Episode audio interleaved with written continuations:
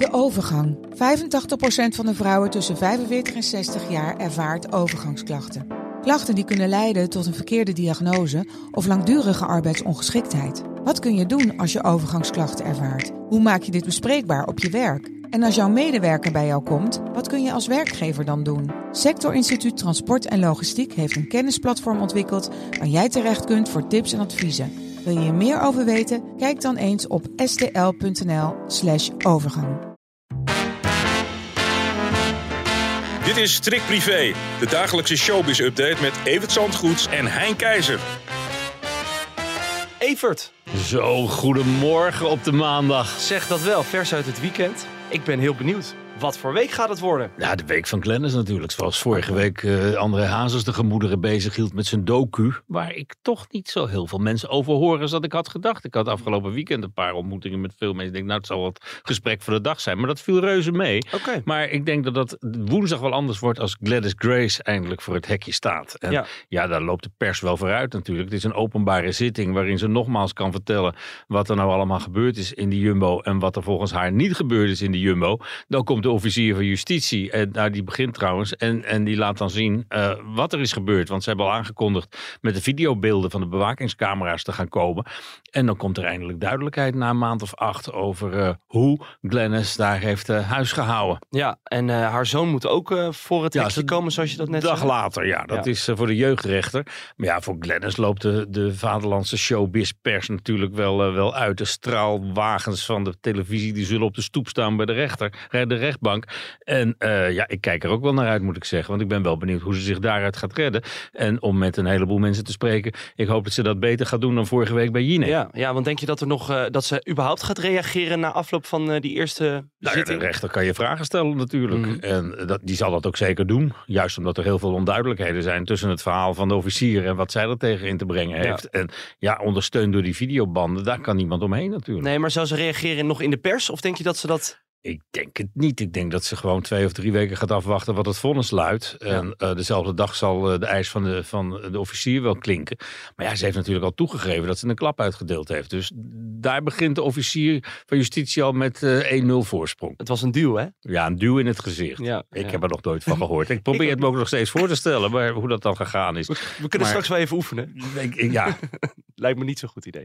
Eh, laten we verder gaan. Ferry Doedens zit ook eh, in de hoek waar de klappen vallen. een file in ieder geval. Ja, dat zit, hij is vorige week in première gegaan met zijn theatershow. Een programma waarvan ik denk, poeh, daar moet je wel heel veel zin in hebben. Maar ja, er zal best een markt voor zijn. Maar dan moet je niet in een groot theater gaan staan natuurlijk. Want ik kan me niet voorstellen dat er in een stad als eh, eh, er gemiddeld meer dan 100 mensen op af gaan komen. En eh, afgelopen weekend was ik even bij Barry Stevens in het eh, Betty Asphalt Kliniek. Die had er een voorstelling Dood aan Zee over zijn lange relatie met Leen Jongewaard. En dat is prima te doen. In een theatertje waar 100 man in gaat, is dat, eh, is dat geweldig. Ze zaten helemaal vol. En eh, ja, dat, dat zijn de locaties die je moet opzoeken. En niet de Schouwburg van Drachten of die van Zaltbommel. Want die zal niet volstromen voor Ferry. Terwijl hij een interessant verhaal te vertellen heeft. Niets dan respect voor de manier waarop hij zich eh, uit diverse crisis gevochten heeft. Maar eh, trek niet te grote broek aan. En ga gewoon die kleine zaaltjes af. En daar vind je heus een gehoor voor het eh, verhaal wat je wil vertellen. En een verhaal wat gehoord mag worden. Was Barry Stevens wel... was dat wel leuk? Ja, het was hartstikke leuk. Samen met Terence van der Loo deed hij een, eh, een- dat, dat stuk. En dat is heel heftig, duurt maar 50 minuten. Maar een fantastische voorstelling eh, met, met heel veel verschillende emoties. En ik moet zeggen dat Barry als acteur...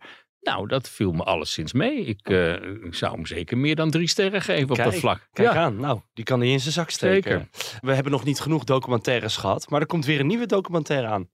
Ja, Willeke Alberti. Willeke Alberti. En eh, dat verbaast me nogal, want dat is in het geheim opgenomen. In een nogal turbulente tijd. Veel bij Willeke thuis. Eh, in een tijd dat er natuurlijk in haar privéleven nogal wat speelde met haar kinderen. Zoon Johnny was op, eh, in opspraak. Die heeft inmiddels, is hij er vanaf. Maar ja, dat was toch een heel indrukwekkende periode voor zowel moeder als zoon. En bovendien haar dochter Daniella natuurlijk. Die kwam dit jaar, of dit najaar naar buiten met het nieuws dat zij kanker heeft. En dat wist Willeke al een half jaar langer. Het heeft er heel veel moeite gekost om dat uh, binnenskamers te houden op verzoek van Danielle. Maar dat is wel gebeurd. En uh, des te opmerkelijk is dat de camera's daar gewoon bij waren toen dat vonnis zich voltrok. Mhm. En uh, zij moest leren leven met een strijd tegen die ziekte die ze met verve voert. de eerste signalen zijn dat het beter met haar gaat. En dat, dat gaan we allemaal zien in drie afleveringen die te zien zijn op SBS 6. En dat lijkt geen helemaal toeval te zijn. Want ja, dat is natuurlijk, daar kent zij mensen. Ja, precies. Ja, dat schijnt, daar, daar schijnen wat lijntjes te lopen inderdaad. En ik ben wel benieuwd, want eh, Johnny die heeft natuurlijk ook een hele ja, strafrechtelijke periode ook achter de rug. Denk je dat we daar ook beelden van gaan zien? Of dat hij zich daarover uit gaat spreken? Weet ik, zover, het is niet helemaal tot strafrechtelijke eh, procedure gekomen natuurlijk. Omdat de officier al in het eerste stadium besloot van nou, hier is geen bewijs voor, dit mm. gaan we niet vervolgen.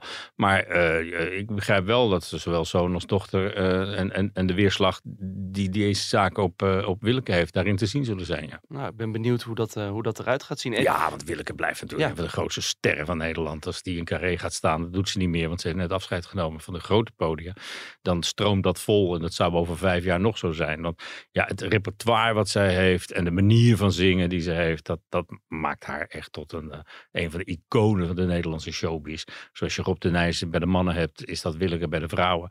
En uh, het is jammer dat ze er afscheid van genomen heeft. Hoor. Maar ik sluit ook niet helemaal uit dat zij toch nog eens zich laat verleiden tot uh, een dingetje. Binnenkort bij een televisie, bij jou in de Zeker. Ja, ja. Uh, tot slot, misschien komt het wel terug, misschien komt het niet terug. Ranking the Stars. Het is een beetje een vaag verhaal, vind ik zelf. Nou, het valt wel mee. Ik begrijp van heel veel mensen dat zal gevraagd zijn voor het ah. programma. Dus uh, dat het terug gaat komen, dat, dat zit er dik in. Paul de Leeuw heeft er weer zin in. De makers hebben er zin in. Dat is Iris van der Ende tegenwoordig, Media Leen. Mm. En uh, ja, na één jaar RTL komt het terug op het oude nest bij BNN-Vara.